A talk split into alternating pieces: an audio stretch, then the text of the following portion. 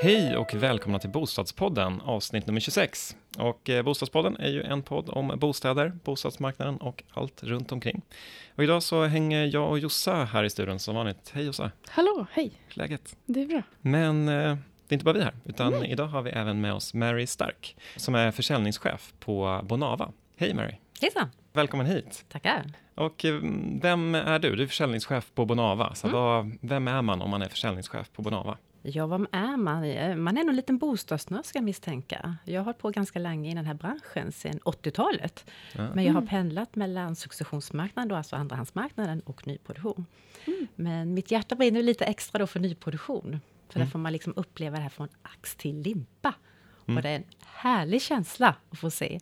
Att stå där ute på kanske en jordplätt eller ett industriområde och sen några år senare så är det ett levande område där människor bor och lever. Så det känns fantastiskt bra. Hur jobbade du med successionsbostäder först? Då var det eh, som mäklare? Eller Mm. Som mäklare, ja. Ah, okej, ja. Så jag har varvat där mellan egentligen succession och nyproduktion och sen tillbaka succession och sen nyproduktion igen. Ja. Ja. Spännande, Ja. vilken bra koll du Ja. måste ha. Det Ja. var ganska så, ja. Vi har ju eh, dels eh, frågat runt här på kontoret massor, men också eh, suttit lite själva och pratat med andra om eh, frågor som man har kring nyproduktion. Så vi har ju mass, det är- har varit häftigt att se. Det är så många som har, det har verkligen så bubblat runt massor med frågor om, om nyproduktion. Så vi tänkte försöka fokusera på så här, nyproduktionsspåret lite. Men innan vi gör det så kanske Bonava, det är kanske inte alla som känner igen det. Nej, det kan ju vara så faktiskt, för att eh, Bonava kommer egentligen då från NCC. Så vi är en bostadsutvecklare som funnits sedan 30-talet, där vi bygger då bostäder och områden. Och vi är 1400 anställda idag och vi verkar i åtta länder, inklusive Sverige. Är det i- är runt i Europa? Ja, det är ju man säger Norge, Danmark, Finland, Tyskland, Estland, Lettland, Sankt Petersburg då, och Sverige. Coolt, om man dyker in på det här med nyproduktion då. Mm. Vad, hur funkar det att, här, när man ska köpa en nyproducerad lägenhet är det väl framförallt jämfört med så här, begagnade bostäder? Mm. Vad, är, vad är skillnaden? Ja, det vanligaste kanske är att man går in alltså kanske på sin, hem, på sin hemsida där man anmäler sitt intresse för ett speciellt område. Och där kan man få stå ett tag då innan vi börjar ha en säljstart. Men under tiden så får man ju då nyhetsbrev och sådana saker. Sen blir man inbjuden då till en VIP-start som vi kallar det. Och det kan vara en fysisk VIP-start och det kan vara en digital. Och den fysiska, då är vi oftast en samlingslokal där vi träffas och står på scen och berättar lite om området. Och sen har man möjlighet att ställa lite frågor efteråt. Den digitala som har blivit mer och mer egentligen nu för lite andra målgrupper det är att vi, som sagt, vi sänder det digitalt och sen kan man chatta sen då efteråt med oss. Mhm. Vadå, det är som en, vis, en video? Man kan... Ja, precis. Jaha, okej. ja, som en liten film sådär. Ja. Ja, okej. Men det är samma information som vi har då oavsett om det är fysiskt eller en digital VIP. Då. Det känns som att nyproduktion har ju en fördel just digitalt eftersom bostäderna inte finns än. Så till skillnad från så successionsbostäder så där kan man ju gå in i lägenheten och se och titta runt. Jag kan tänka mig att digitala, det är lättare att utnyttja det digitala mediet i nyproduktionsfallet. Absolut, vi har ju våra visualiseringar, vi har våra vd-glasögon och sådana här saker. Så man kan ju verkligen uppleva den genom då hemsidan så att säga. Men Vad, vad finns det för fördelar om man skulle vilja köpa nyproduktion i, istället för någon begagnad bostad? Det finns ju massor med fördelar. Eh, Men det är precis som man, man säger, ordet säger nyproduktion. Det är Mm. ju nytt. Det är ingen annan som har bott där tidigare eller använt lägenheten. Och det är ju en härlig känsla bara det. Sen har man ju möjlighet att kunna påverka sin lägenhet, att sätta sin egen prägel på det hela också. Man gör ju sina tillval. Man väljer köksluckor, eh, bänkskivor, kakel, klinker och allt det här. Så det blir ju sin egna lägenhet. Och det tror jag också är väldigt viktigt. Och sen är det också, vi har ju fasta priser då. Vi har ju en fasta priser mot en prislista. Så man slipper ju den här budgivningen. Så det är en trygghet att veta exakt vad ska jag betala den dagen jag flyttar in. Ja, det är många som säger Mm. faktiskt. Jag hade en kompis som köpte en nyproduktion i veckan. Mm. Hon bara, det är så skönt. Vi, Mm. vet, vi kan prata med banken, vi vet exakt pris. Liksom. Och det tror jag är en jättebra trygghet. Och sen Mm. framförallt, man har ju tid att planera också. För normalt kanske är det från du tecknar ditt första avtal så kanske det tar två år innan du kan flytta in. Så Mm. du kan planera oavsett om du är ung eller lite äldre. Så kan du planera ditt boende på ett annat sätt. Mm. Ja, slippa all ångest, alla sömnlösa nätter under budgivningen är ju, Mm. det är ju rätt Mm. lockande. Visst är det? Men det kan vara lite stressigt ibland också. Det är vissa som går väldigt fort, eller hur? När Ja. ni släpper ett nytt projekt. Ja, precis. För vi har ju ett callcenter där man kan ringa in. Mm. Och då är det man ringer till ett visst klockslag. Och Mm. då är det lite var man hamnar i den här listan. Mm. Och sen ringer vi efter den listan. Så den som står först Mm. har ju, kan välja först. Så är det. Och alla har ju inte möjlighet att kunna köpa då. Nej. Utan vi har ju bara ett visst antal bostäder i varje projekt. Så är det. Det funkar det? är vissa eh, nyproduktionsbolag som jobbar med ködagar och lite olika system. Mm. Men ni gör inte det? eller? Nej, vi har Utan inte det- det. Utan vi vill ju säga så att vi har, vi har bara ett intresseregister kan man säga. Alltså man kan ha stått i ett år. Eller man kan komma in en månad innan en VIP. För vi vill ju säga att alla ska ha samma chans. Eh, för jag tror det är väldigt viktigt. Eh, de unga, ska de stå i kö flera år innan det är dags att flytta in? Vi vill ju Mm. inte exkludera dem, utan de ska också ha samma chans att kunna köpa en ny bostad. Mm. Om man tittar på nackdelar då med en nyproduktion, så vad, Ja, nackdelarna kan väl vara att det tar den här tiden. Alltså när man väl har bestämt sig för att köpa någonting så vill man nästan flytta in direkt. Mm. Och det kan man ju faktiskt inte här, utan man får faktiskt vänta de här två åren. Så det kan vara det som man kan känna så att det är en liten nackdel.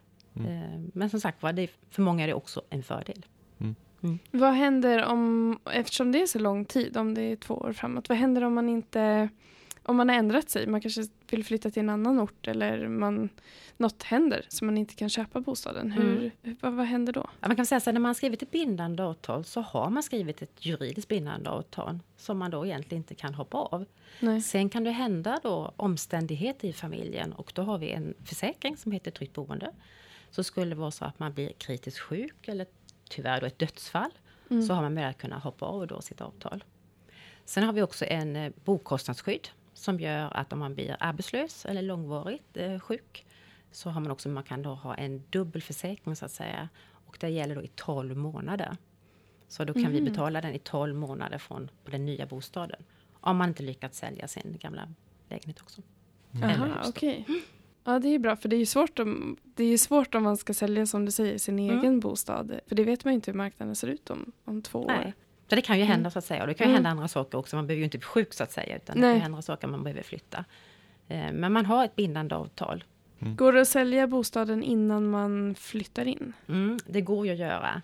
Eh, tittar vi på bostadsrätter då, så att när man har skrivit då sitt upplåtsavtal som det heter, och då blir man medlem i föreningen, då har man möjlighet att kunna sälja om sin bostad igen.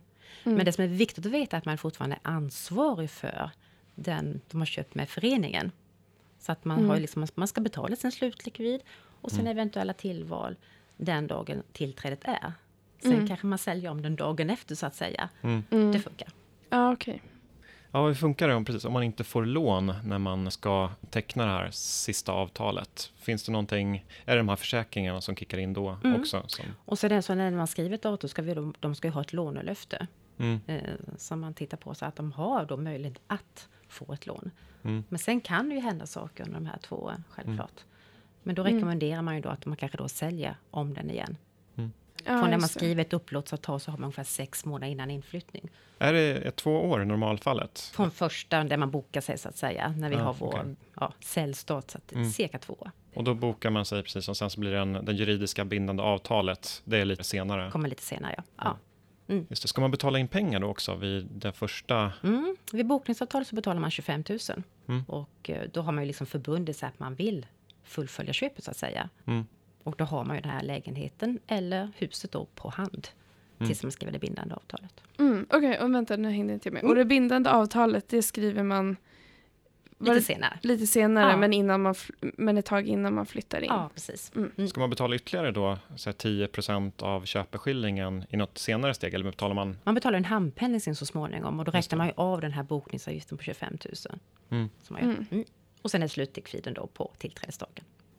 Just det. Mm, nu är jag med. Så först, bara så jag fattar. Eh, Först är det alltså 25 000 när man bokar. Mm. Ja. Ungefär två år innan man flyttar in. Mm. Och sen senare, något år senare eller någonting Mm. sånt där, Det kan vara så, lite olika, olika projekt. Ja. så betalar man den här 10-procentiga? Eller när? Ja, det kan vara väldigt olika. Vi har ingen fast eh, man säger, procentsats. Ah, okay. Det kan skilja sig från område till område och från projekt till projekt. mm. Mm. Eh, Så att det kan vara lite olika. Mm. Okej, men den här handpenningen Med den handpenningen, ja precis. Just det. Och sen så när man faktiskt får nycklarna, då betalar Mm. man sin sista liksom. Slutlikviden. Ja, precis. Förstår. Då är jag också med. är det något speciellt man ska tänka på när man går igenom den här processen? I, vi pratat, vi har haft en del mäklare här och, Mm. och har ju känt hy- hyfsat bra koll på successionsmarknaden. Mm. Men är det något speciellt man ska tänka på när man går in i den här långa... Alltså det som är viktigt att tänka på är att man har liksom sitt lånelöfte. Det är ju en trygghet man har. Att man Mm. har det klart när man går in. Och det är ju någonting vi kräver också, Mm. självklart.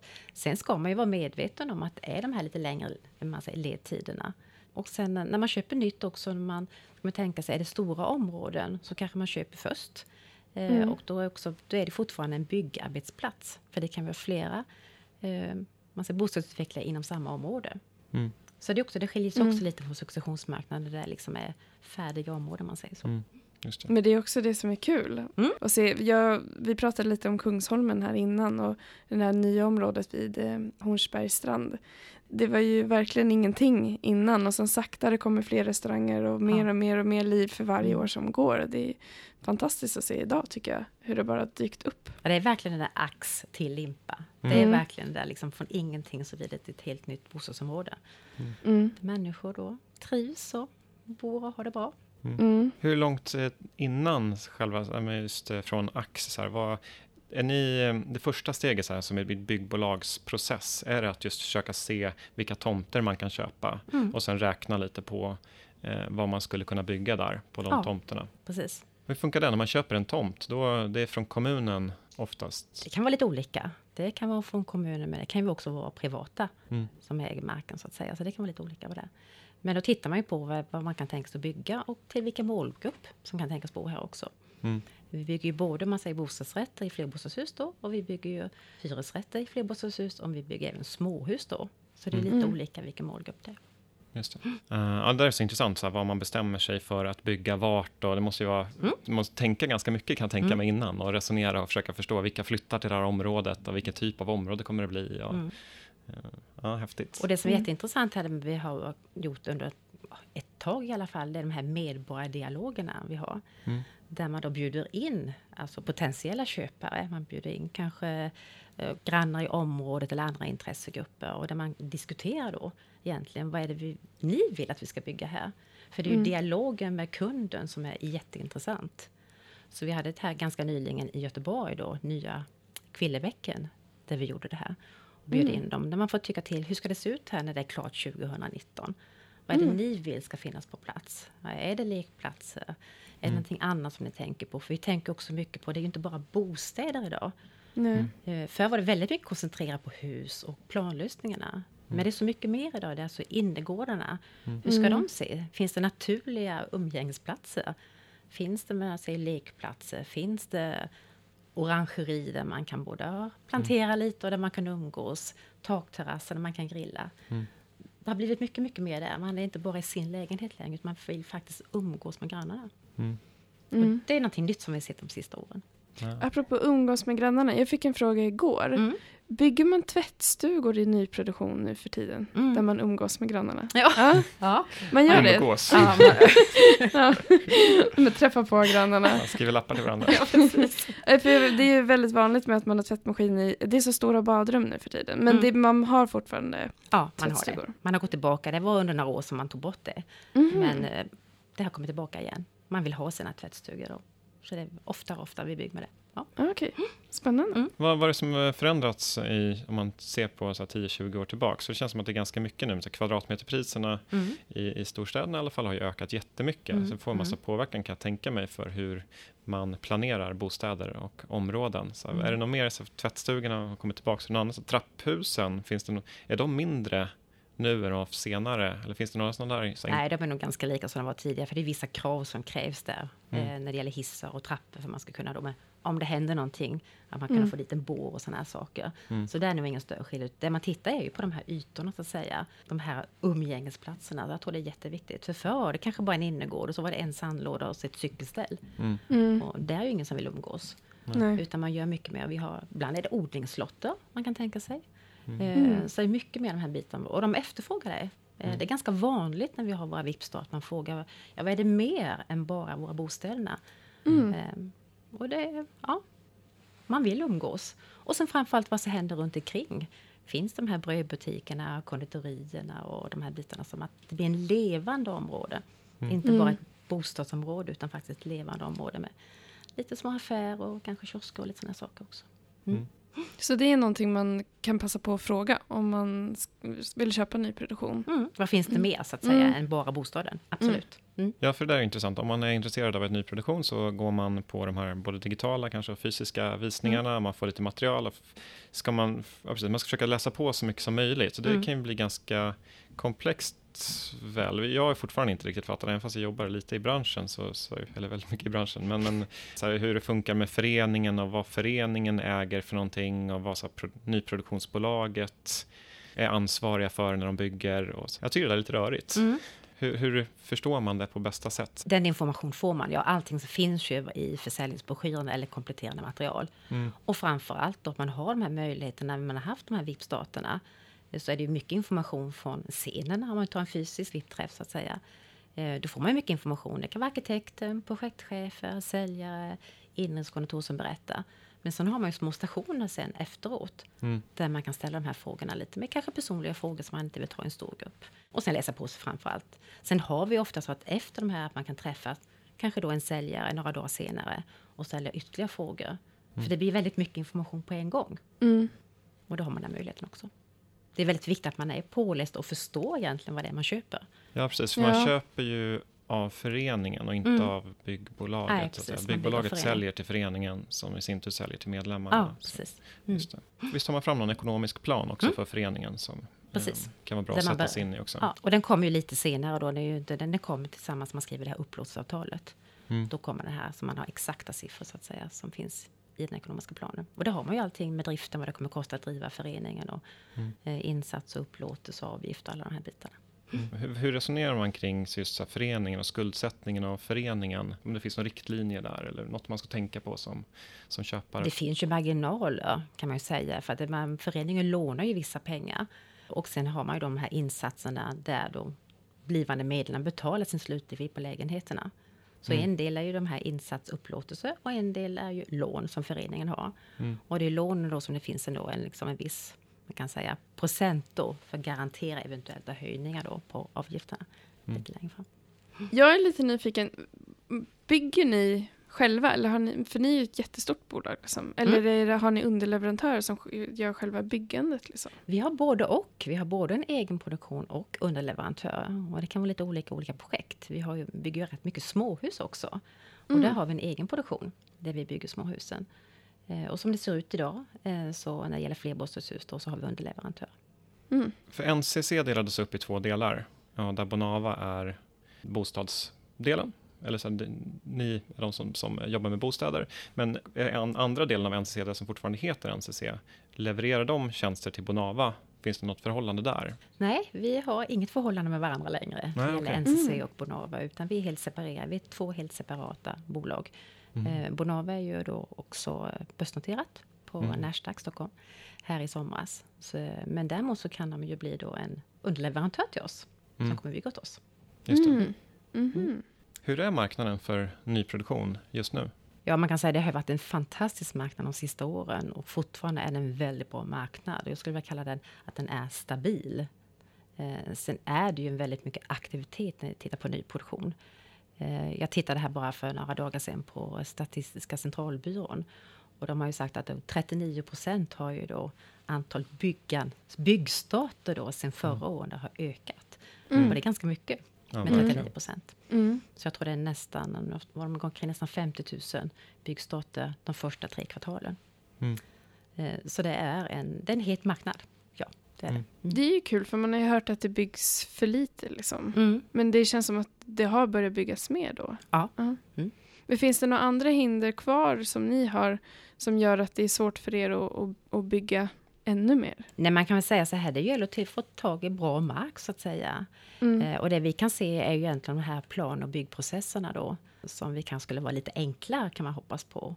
Och framförallt att man kanske har samma... Det är kommunerna som har olika eh, regler för mm. plan och byggprocesser. Ja, precis. Mm. Så de skulle vilja se att man kanske, dels att de är enklare, går lite snabbare och sen att de har likvärdiga bedömningar, så att säga. Mm. För um, har ni sett någonting så senaste månaden efter amorteringskravet? För att marknaden har varit het i eh, några år och priserna har ju gått upp jättemycket. Är det någonting som det så snackas om i er bransch just nu när ni sätter priser om så just eftersom amorteringskravet har påverkat och lugnat ner marknaden verkar det ju lite som just nu. Mm, mm. Har ni fått några sådana indikationer? Nej, alltså det har inte påverkat oss så mycket. Vi trodde väl att den skulle påverka oss mer.